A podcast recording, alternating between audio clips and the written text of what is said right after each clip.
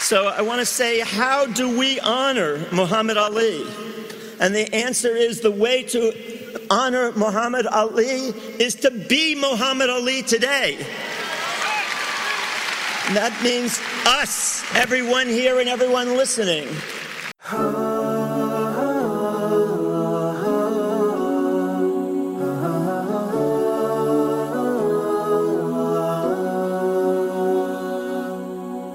Assalamu alaikum och hjärtligt välkommen till Koranpodden.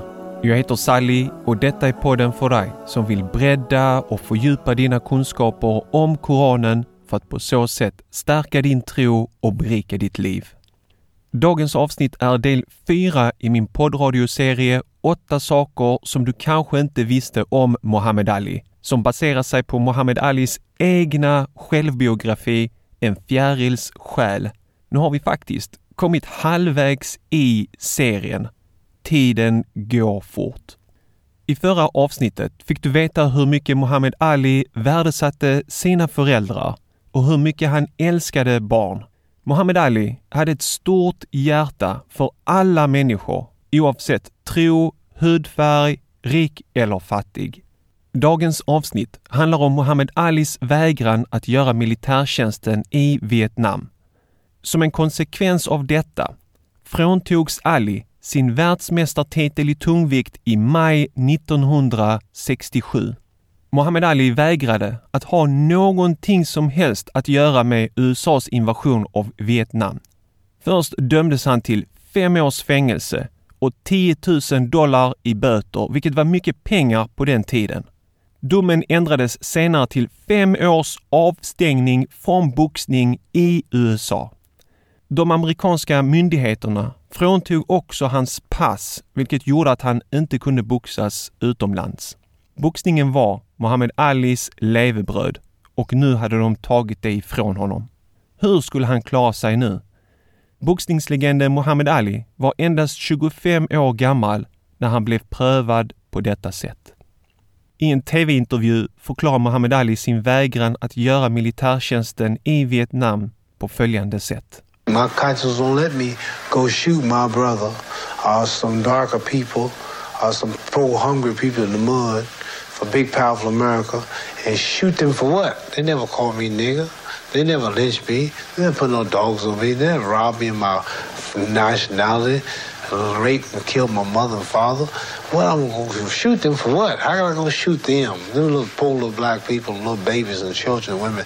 How can I shoot them poor people? I would just take me to jail. När en vit universitetsstudent inför journalisternas kameror ifrågasatte och kritiserade Muhammad Alis vägran att gå med i den amerikanska armén svarade Muhammad Ali på honom på följande sätt.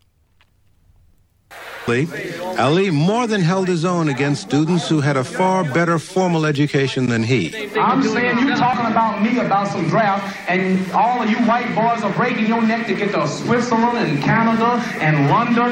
I'm not going to help nobody get something my Negroes don't have. If I'm going to die, I'll die now, right here fighting you. If I'm going to die, you my enemy. My enemy is the white people, not Viet Congs or Chinese or Japanese.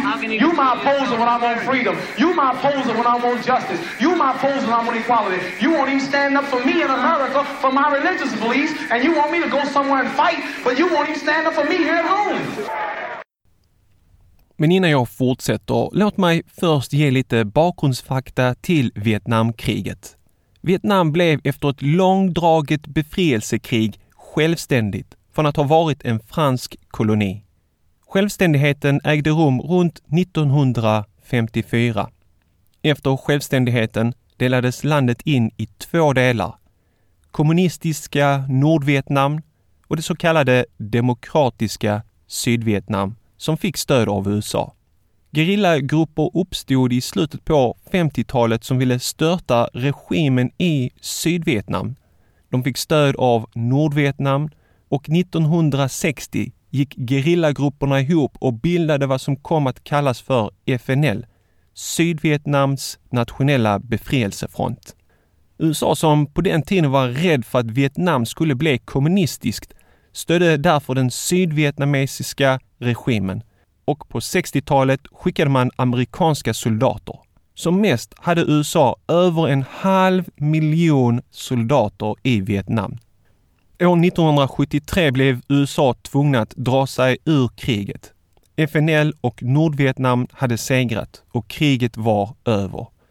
Nord och Sydvietnam blev till ett land, Vietnam.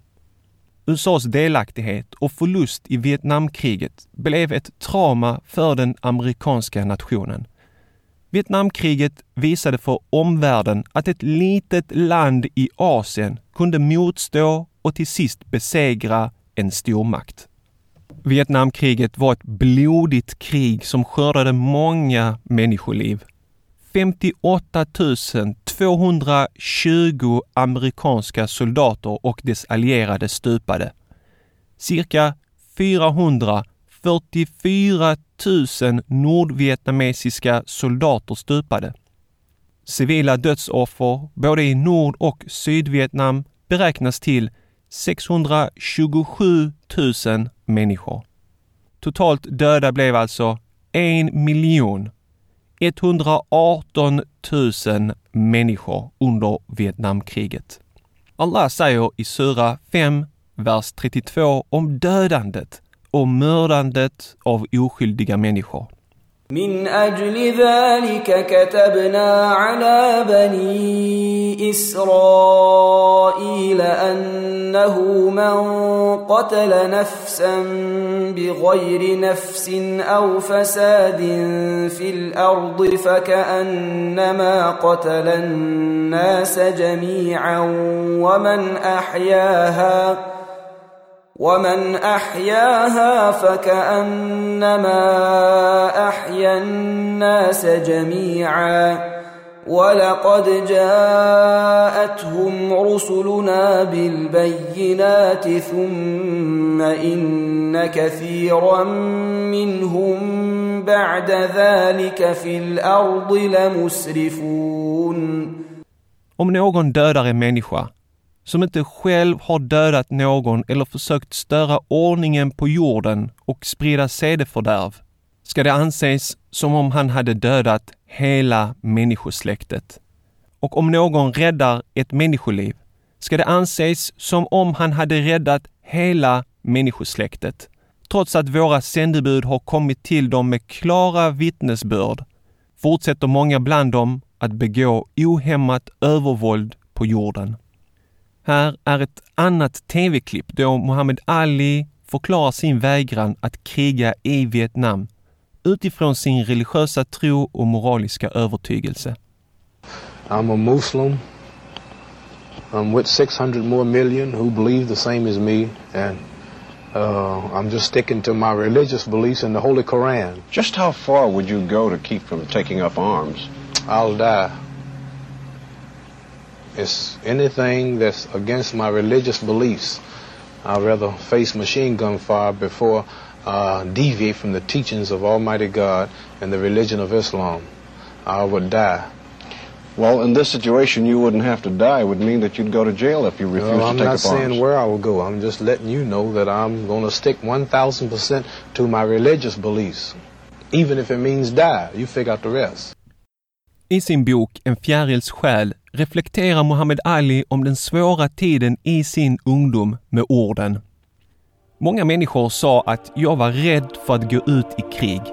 Sanningen är att det var svårare att försvara min religiösa tro mot USAs regering och miljoner människor som vände sig mot mig på grund av mitt beslut än det skulle ha varit att gå ut i krig. Regeringen erbjöd mig alla möjliga slags överenskommelser. De sa att jag aldrig skulle hålla i ett vapen. De sa att jag skulle gå uppvisningsmatcher och att jag aldrig skulle komma i närheten av ett slagfält. Även om detta varit sant kunde jag ändå inte ställa upp. De ville utnyttja mig för att leda andra unga amerikanska män ut i krig. De tycktes inte förstå att jag för att gå med på deras överenskommelse skulle bli tvungen att fördöma min religion, min tro, mina övertygelser. Men jag var fri och jag var fast besluten att vara sann mot mig själv och Gud. Om jag hade vänt ryggen åt mina religiösa övertygelser skulle mitt liv varit som ett fartyg utan roder ute på öppet hav. Inget kunde vara mer skrämmande för mig än att försöka leva utan min tro. Muhammad Ali skriver följande beträffande straffet han fick för sin vägran att göra militärtjänsten. På sidan 170 i boken En fjärils själ skriver han Så de tog min titel, min ekonomiska trygghet och de försökte ta min frihet.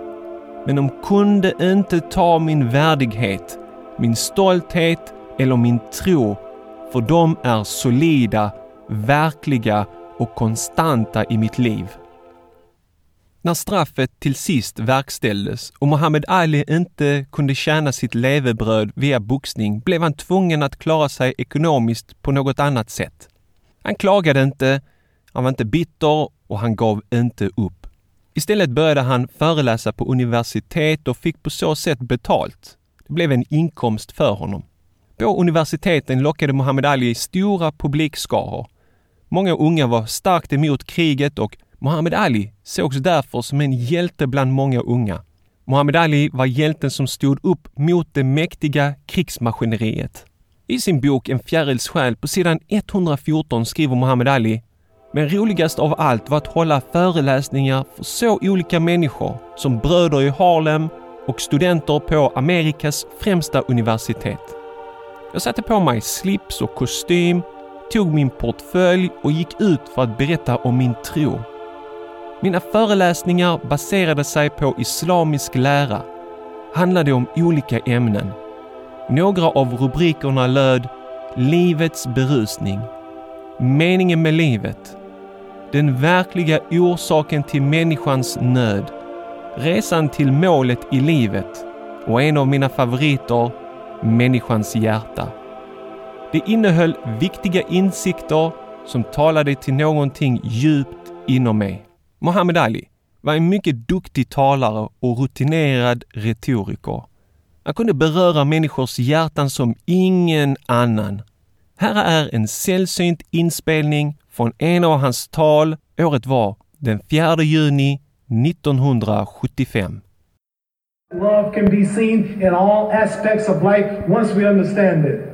Love for those whom depend upon one. Love for those whom one comes in contact with in everyday life. Love for one's country. Love for one's race. Love for humanity. It can even extend to love for the smallest creature or insect that lives. If we study the qualities of the heart, we will find that the heart quality is a loving quality. It becomes the loving manner, the manner of God Himself. And all such attributes as greatness, tolerance, gentleness, mercy, compassion spring from the heart. The great teachers and the great prophets of God, they did not become what they were by their miracles or their wonder workings. What was most apparent in them was their loving manner. Read the lives of the prophets. Look at the way Jesus Christ treated all of those who came to him. When the great sinners who were condemned and expelled from society, when they were brought to the Master, he raised them up with this compassion. Jesus was on the side of the guilty, accused ones. The fishermen with the master never understood him, nor could the most educated. Yet the master lived with all of them, and he won their hearts in the end. This was by the loving manner. So the first and most important thing that we all must try to understand is the cultivating of the heart quality. And there's only one way to cultivate the heart quality, and that is to become more and more selfless. Not selfish, but selfless. What prevents man from the loving manner is the thought of self. And the more we think of self, the less we think of others until at the end of the journey in life, self meets us like a big giant. And a giant will prove to be the stronger. But with the first step we take, if we take it on the spiritual path, we struggle with this giant.